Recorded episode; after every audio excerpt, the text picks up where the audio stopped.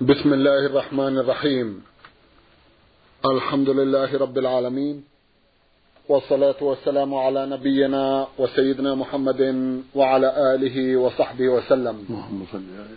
مستمعي الكرام السلام عليكم ورحمة الله وبركاته.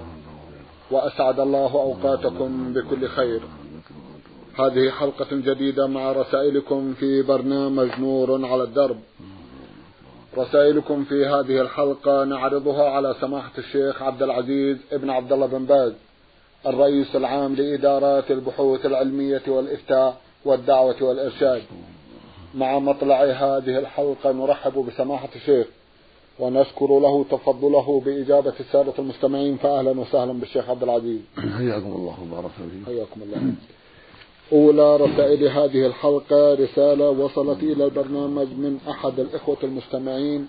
يقول في نهاية رسالته المرسل المرضي حسب الله محمد سوداني مقيم في الكويت. أخونا يقول في رسالته عند قراءتي للقرآن تمر بي بعض الآيات بها سجدة. هل يشترط استقبال القبلة فيها؟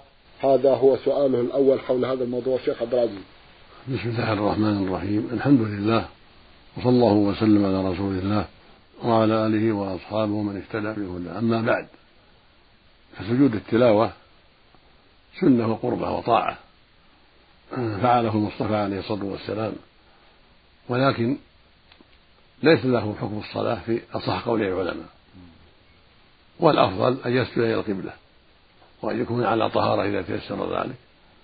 لكن لو سجد إلى غير القبلة أو على غير طهارة أجزأ ذلك على الصحيح. أما الجمهور من أهل العلم فيقولون إنه لا بد من استقبال القبلة إلحاقا له بالصلاة. والأظهر في الدليل أنه يلحق بالذكر لا بالصلاة جنس فهو من جنس الذكر. كما يذكر الله الإنسان قائما وقاعدا وإلى القبلة وغيرها فهكذا السجود. يسجد القبلة وغير وإلى غيرها. لكن الأفضل والأولى أن يكون سجوده إلى القبلة لأن هذا هو الأفضل وفيه خروج من خلاف العلماء. نعم. جزاكم الله خيرا. سؤاله الثاني حول هذا الموضوع. ماذا يقال في هذه السجدة؟ يقول مثل ما يقول في سجود الصلاة. سبحان ربي أعلى سبحان ربي أعلى. سبحانك اللهم ربنا وبحمدك اللهم اغفر لي. اللهم لك سجدت وبك آمنت ولك أسلمت. سجد وجهه الذي خلقه وصوره وشق سمعه وبصره بحوله وقوته تبارك الله أحسن الخالقين. مثل مثل سجود الصلاة سواء. نعم. فإن هذا يقال في سجود الصلاة. وإذا دعا في ذلك فكذلك الدعاء مشروع. لقول النبي صلى الله عليه وسلم أما السجود فأكثر فيه من الدعاء. وقال عليه الصلاة والسلام أقرب ما يكون العبد من ربه وهو ساجد فأكثر الدعاء. فالدعاء مشروع في السجود في الصلاة النافلة والفريضة وهكذا سجود التلاوة وسجود الشكر يشرع فيها مثل ما يشرع في سجود الصلاة. نعم. جزاكم الله خيرا. هل بعدها سلام؟ ليس لها سلام الصحيح نعم.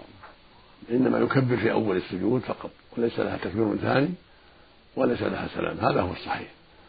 لكن إذا كان في الصلاة سجد في الصلاة يكبر عند السجود وعند الرفع. إذا كان في الصلاة. نعم. لأنه عليه السلام كان إذا كان في الصلاة يكبر في كل خفض ورفع عليه الصلاة والسلام. أما في خارج الصلاة فإنه يكبر عند السجود فقط يكفي. نعم. جزاكم الله خيرا. سؤاله الثاني دخلت أحد المساجد لأداء صلاة الجمعة وبعد نهاية الصلاة والتسبيح بالباقيات الصالحات سمعت الإمام يقول يا لطيف. وشرع المصلون في قولها. سألت جاري فقال لي قلها مئة مرة واسمع من أركان المسجد نغمة آمين يرددها المصلون.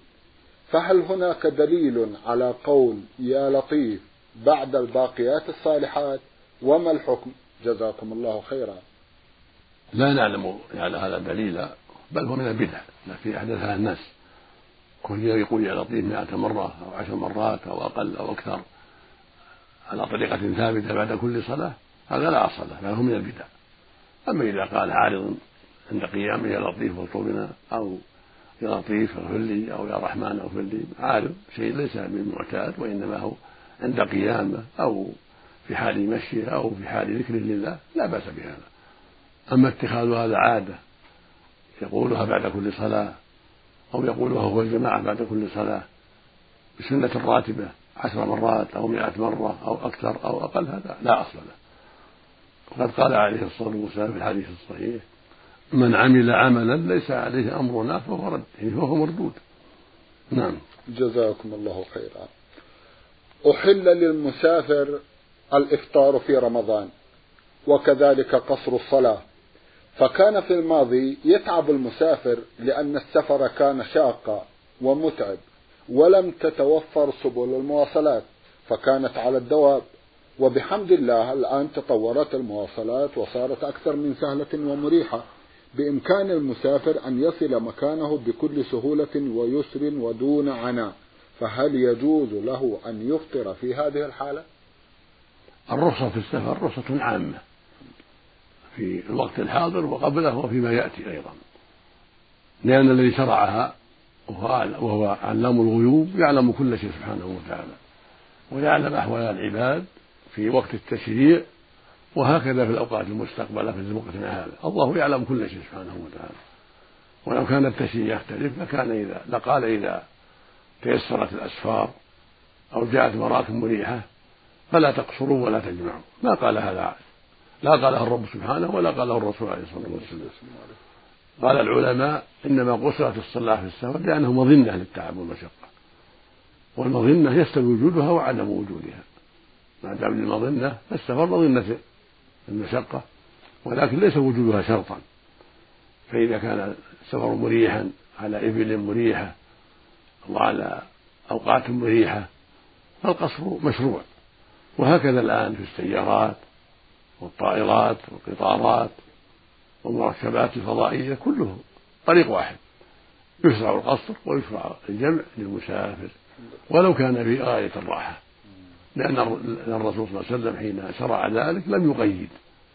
والله في كتابه العظيم لم يقيد بالمشقة فعلم بذلك أن المسافر يقصر ويجمع ويفطر وإن كان سفره مريحا في السيارة أو في الطائرة أو في غير ذلك.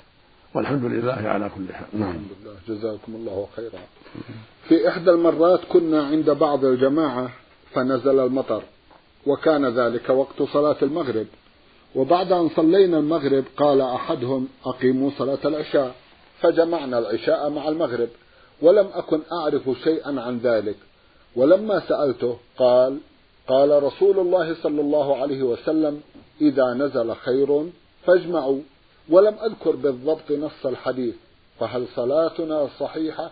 وهل ورد ذلك عن الرسول صلى الله عليه وسلم؟ أفيدونا جزاكم الله خيرا.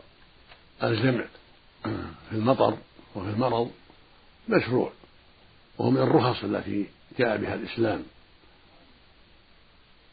وأما الحديث الذي ذكره لك الشخص إذا نزل خير إذا نزل خير فاجمعه هذا لا نعلم له أصلا ولا يعرف. في السنة عن النبي عليه الصلاة والسلام. ولكنه من عمل السلف من عمل السلف الصالح الجمع في المطر. وهكذا دل الحديث على ذلك حيث قال حيث قال ابن عباس رضي الله عنهما إن النبي جمع صلى الله عليه وسلم بين المغرب والعشاء والظهر والعصر في في غير خوف ولا مطر ولا سفر فدل ذلك على أن الجمع للمطر أمر معلوم كما أن الجمع للسفر أمر معلوم. فإذا كان هناك مطر يشق على الناس أو دحر في الأسواق وزلق في الأسواق يشق على الناس شرع الجمع من باب التيسير على المسلمين والتسهيل عليهم وقبول رخص الله سبحانه وتعالى. فقد قال عليه الصلاة والسلام إن الله يحب أن تؤتى رخصه كما يكره أن تؤتى معصيته. وهكذا المريض يجمع لدفع المشقة نعم. جزاكم الله خيرا. رسالة مطولة بعث بها أحد الإخوة المستمعين وقع في نهايتها بقوله المليجي من جدة. أخونا رسالته كالتالي. يقول والدي دخل شريك مع أحد الأشخاص على الشخص رأس المال وعلى والدي أن يدير المحل. وكنت أنا الذي أدير المحل. والدي للأسف الشديد كان يأخذ مالا من محل الشراكة ويدخله في محله الخاص به وكنت لا أقبل هذا الفعل من والدي ولكن كنت لا أستطيع أن أعمل شيئا وهذا والدي. المهم استمر هذا الوضع إلى أن حان وقت الجرد وانتهت الشراكة وحصل طبعا خلط في مال والدي لأنه أدخل مال الشراكة في ماله الخاص. وهذا أنا أعرفه خطأ. وبعد ذلك ذهب والدي وحج من ماله المخلوط. الآن والدي توفي يرحمه الله والشريك توفي يرحمه الله. والسؤال هل علي أنا شيء لأني كنت أسمح لوالدي أن يأخذ من مال الشراكة؟ وإذا كان علي الشيء أنا هل من الممكن أن آخذ العفو والسماح من أبناء الشريك؟ لأنه قد توفي كما أسلفت. ولوالدي أرجو أن تفيدوني حول هذه القضية. جزاكم الله خيرا. الواجب عليك السعي في تخريج ذمة والدك إما بأن تدفع لهم ما تعقد ما تعتقده أنه حق لهم لأولاد الشريك وإما أن تستسمحهم إذا كانوا مرشدين فإذا سمحوا عن والدك وعفوا عما أخذ من مالهم فلا حرج. أما إن كانوا غير مرشدين وقاصرون فإنك تعطيهم حقهم. الذي تعتقد أن أباك استدخله من مال الشركة تخرجه من التركة وتعطيهم إياه وإذا كان معك شركاء في التركة تخبرهم بما جرى حتى يوافقوك على ما يبرئ الذمة لوالدك. فإن أبوا فهذا إلى المحكمة ترفع الأمر إلى المحكمة والمحكمة تأمركم بما ترى في ذلك. أما إن وافق الشركاء معك يعني الورثة معك من أبيك إذا وافقوا على أنك تدفع للشريك لأولاد الشريك ما دخل على أبيك فالحمد لله. أو عفى أولاد ورثة الشريك عفوا عن ما دخل على أبيك فالموضوع يعتبر منتهيا والحمد لله. نعم. جزاكم الله خيرا. له سؤال آخر يقول فيه دخلت إلى المسجد ووجدت أحد المأمومين يقف منفردا خلف الصفوف ووقفت معه ودخلت في الصلاة ثم زاد الصف طولا وانتهت الصلاة. فقلت له يا أخي الوقوف منفردا خلف الصف لا تصح لا تصح صلاة من فعل ذلك على ما سمعت من هذا البرنامج قال لي بأنه حاول أن يسحب أحدا من الصف الذي أمامه لكن لم يستجب له أحد. الآن ما صحة صلاته هو وما صحة ما فعلت أنا؟ جزاكم الله خيرا. إذا كان الشخص الذي سبقك وقف في الصف ثم جئت قبل الركوع أو بعد الركوع صحت صلاتكما جميعا. أما إذا كان مجيئك بعدما صلى ركعتين أو أكثر فإن صلاتك صحيحة لأنك تعتقد سلامة صلاته وصلاته غير صحيحة عليه أن يعيدها. أما إن كنت تعلم أن صلاته باطلة حين وقفت معه فعليك أن تعيد أيضا. لكن إذا كنت لا تعتقد ذلك وتجهل الحكم الشرعي فصلاتك صحيحة. أو كان وقوفه قبل الركوع أو بعد الركوع لكن جئت معه قبل أن يسجد في الركعة الأولى. فإن صلاتكما صحيحة أيضا. لقصة أبي بكر. لأن أبا بكر الثقفي رضي الله عنه جاء والنبي راكع عليه الصلاة والسلام فركع دون الصف ثم دخل في الصف. فقال له النبي عليه الصلاة والسلام زادك الله حرصا ولا تعود. ولم يأمره بالإعادة.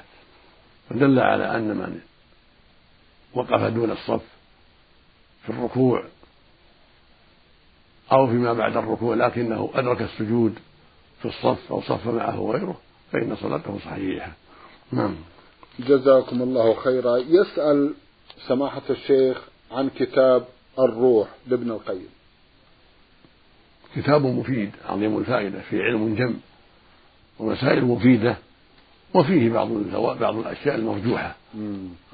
فطالب العلم إذا قرأه يعرف الراجح من المرجوح ولكنه كتاب مفيد جدا في بابه وفيه علم كثير وتحقيقات كثيرة ينفع ينتفع بها طالب العلم. ولكن ليس كل ما في الكتاب صحيحا لأن كل عالم يخطئ ويصيب. وكل عالم يؤخذ من قوله ويترك إلا الرسول عليه الصلاة والسلام. فهناك مرائي وأشياء ذكرها قد لا يتابع عليها وكذلك ترجيح لبعض المسائل قد لا يتابع عليه رضي الله عنه ورحمه ولكن هذا يحتاج إلى علم. فالذي يراجع الكتاب ويقرأ الكتاب إذا كان لا علم ولا بصيرة سوف يفهم ما يقوم عليه الدليل وما لا يقوم عليه الدليل. نعم. جزاكم الله خيرا. المستمع محمد حازم عبد العزيز من الدمام بعث برسالة يقول فيها أنا من جمهورية مصر العربية ويوجد بالبلدة التي أعيش فيها مسجد به قبر. في غرفة بطرف المسجد يفصل بينهما باب. أصلي بهذا المسجد أحيانا. أنكر علي بعض الأشخاص وقال لا تصلي في هذا المسجد لأن فيه قبر. أستشيركم في هذا الموضوع جزاكم الله خيرا. إذا كان القبر خارج سور المسجد فلا يضرك. الصلاة في المسجد. ولكن ينبغي مع هذا إبعاده عن المسجد مع المقبرة حتى لا يحصل تشويش على الناس. أما إذا كان في داخل المسجد فإنك لا تصلي في المسجد. لقول النبي صلى الله عليه وسلم لعن الله اليهود والنصارى اتخذوا قبور أنبيائهم مساجد متفق على صحته. ولقوله أيضا عليه الصلاة والسلام ألا وإن من كان قبلكم كانوا يتخذون قبور أنبيائهم وصالحيهم مساجد ألا فلا تتخذوا المساجد فإني أنهاكم عن ذلك. خرجه مسلم في صحيحه. فالرسول صلى الله عليه وسلم نهى عن اتخاذ قبور المساجد فليس لنا أن نتخذها مساجد سواء كانت القبور للأنبياء أو للصالحين أو لغيرهم ممن لا يعرف. فالواجب أن تكون القبور على حدة في محلات خاصة وأن تكون المساجد سليمة من ذلك لا يكون فيها قبور. ثم الحكم فيه تفصيل. فإن كان القبر هو الأول أو القبور ثم بني المسجد فإن المسجد يهدم ولا يجوز البقاء على القبور لأنه بني على غير شريعة الله فوجب هدمه. أما إن كانت القبور متأخرة والمسجد هو السابق فإن الواجب نبشها ونقل رفاتها إلى المقبرة العامة. كل رفاة قبر تضع في حفرة خاصة ويواسع ظاهرها كسائر القبور حتى لا تمتهن وتكون من جنس من من من تبع المقبرة التي دفنت فيها دفن فيها الرفاة حتى يسلم المسلمون من الفتنة في القبور. والرسول صلى الله عليه وسلم حين نهى عن اتخاذ المساجد القبور مقصوده عليه الصلاة والسلام سد الذريعة التي توصل الشرك. لأن القبور إذا وضعت المساجد يغلو فيها العامة ويظنون أنها وضعت لأنها تنفع ولأنها تقبل النذور ولأنها ولأنها تدعى ويستغاث بأهلها فيقع الشرك فالواجب الحذر من ذلك وأن تكون القبور بعيدة عن المساجد تكون في محلات خاصة وتكون المساجد سليمة من ذلك. وقد يغتر بعض الناس بوجود قبر النبي صلى الله عليه وسلم وقبر صاحبيه في مسجده عليه الصلاة والسلام. فينبغي أن نبين ذلك وأن نوضح أن هذا الوجود إنما حدث في عهد الوليد بن عبد الملك في آخر المئة الأولى من الهجرة. وكان أمرا غلطا من الأمير. وكان لا ينبغي له أن يدخل حجرة النبي صلى الله عليه وسلم في المسجد ولكنه اجتهد ودخلها من باب التوسعة. والنبي صلى الله عليه وسلم قبض في بيته بيت عائشة. ثم دفن معه أبو بكر ثم دفن معهما عمر رضي الله عنهما. فعلم بهذا أنه لم يقبر فيه لم يدفن في مسجد النبي صلى الله عليه وسلم. لا هو ولا صاحبه بل في بيته عليه الصلاة والسلام. فليس هناك حجة لمن تأسى بهذا الأمر. وإنما الممنوع المحرم أن يدفن الميت في نفس في نفس المسجد أو يبنى عليه المسجد. هذا هو المحرم المنكر. نعم. جزاكم الله خيرا. الرسالة التالية رسالة وصلت إلى برنامج من أحد الإخوة المستمعين يقول أخوكم في الإسلام من العراق صلاح محمد شعبان. سؤالي أرجو أن تتفضلوا بتفسير الآية الكريمة وهي قوله تعالى أعوذ بالله من الشيطان الرجيم. ألم تر إلى الذين خرجوا من ديارهم وهم ألوف حذر الموت؟ الآية. على ظاهرها على ظاهرها أن يبين سبحانه وتعالى أن الفرار من الموت لا يمنع الموت ولا يمنع من قدر الله شيء سبحانه وتعالى. فالواجب على المؤمن أن يستعد للقاء الله. وأن يعمل الصالحات وأن يتوب من السيئات حتى إذا هجم عليه الأجل إذا هو قد استعد للقاء ربه بطاعته والتوبة إليه. أما فراره من بلد إلى بلد أو من مستشفى إلى مستشفى ليسلم من الموت هذا لا ينجيه من عذاب الله ولا يمنع الموت من المجيء إليه. فالأجل متى وصل لم يمنع منه مانع كما قال عز وجل ولن يؤخر الله نفسا إذا جاء أجلها. قال سبحانه إذا جاء أجلهم فلا يستأخرون ساعة ولا يستقدمون. ولهذا قال فقال الله لهم موتوا ثم أحياهم. فالمقصود أن الخروج من البلاد أو من القبيلة أو من إقليم إلى إقليم أو من حي إلى حي لأجل خوف الموت لا يمنع من الموت. كما قال الله سبحانه أينما تكونوا يدرككم الموت ولو كنتم في بروج مشيدة. فالموت لا بد منه كما قال سبحانه كل نفس ذائقة الموت. وإنما توفون أجوركم يوم القيامة. فالواجب الإعداد للموت والتأهب بالأعمال الصالحات بأداء فرائض الله بترك محارم الله بالوقوف عند حدود الله بالتوبة إليه من سائر المعاصي بالتعاون على الخير بالتواصي بالحق والصبر عليه هذا هو الواجب على أهل الإسلام. ولا ينبغي أن يغرهم الشيطان بأن صحته صحتهم أو فرارهم إلى مستشفيات راقية أو إلى بلاد صحية أو إلى غير هذا من أسباب الحياة أو من أسباب الرفاه أو من أسباب الصحة. لا ينبغي يغرهم هذا. فإن الموت لا يمنعه مانع ولو كان في أصح بلاد ولو كان في أرقى مستشفى. متى جاء الأجل؟ لم يمنعه مانع كما سمعت من الآيات الكريمات. نعم. جزاكم الله خيرا. يسأل أخونا أيضا ويقول في أحد الأيام لم أستطع تأدية صلاة الصبح بسبب النوم فكيف أقضيها لو سمحتم؟ الواجب على المسلم أن يتخذ الأسباب التي تعينه على صلاة الفجر والجماعة وهكذا بقية الصلوات. فإذا كان المانع السهر فالواجب عدم السهر أن ينام مبكرا حتى يقوم للصلاة في وقتها فإن كان المانع ما عنده من يوقظه فليتخذ ساعة منبهة يرشدها على الوقت المطلوب حتى إذا جاء الوقت سمع المنبه فقام إلى الصلاة. أو يؤكد على أهله الذين يثق بهم أن يوقظوه. في الوقت. أما التساهل وعدم المبالاة فهذا معناه الموافقة على ترك الصلاة وعدم المبالاة بها والعياذ بالله. فيكون آثما ومشبها بأعداء الله المنافقين الذين قال فيهم سبحانه إن المنافقين يخادعون الله وهو خادعهم وإذا قاموا إلى الصلاة قاموا كسالى. وقال النبي صلى الله عليه وسلم أثقل الصلاة على المنافقين صلاة العشاء وصلاة الفجر. قال ابن مسعود رضي الله عنه لقد رأيتنا وما خله عنها يعني الصلاة في الجماعة إلا منافق معلوم النفاق. فالواجب على كل مسلم وعلى كل مسلم الحذر من التساهل بالصلاة.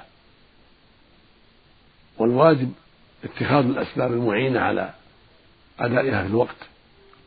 الفجر وغيره على في جميع الأوقات. فالذي يسهر يجب عليه أن يسهر حتى يقوم لصلاة الفجر. والذي يتساهل في عدم تركيز الساعة على الوقت المطلوب يعتني بالساعة ويركزها على الوقت المطلوب حتى يسمع التنبيه. والذي عنده أهل يوقظونه يوصيهم بذلك يفعل الأسباب التي تعينه على أداء الصلاة. وليس له التساهل في ذلك أبدا وهكذا بقية الصلوات. يعتني بالأسباب التي تعينه على أدائها في الوقت ولا يتساهل في ذلك حتى يكون في ذلك متشبها بالمنافقين.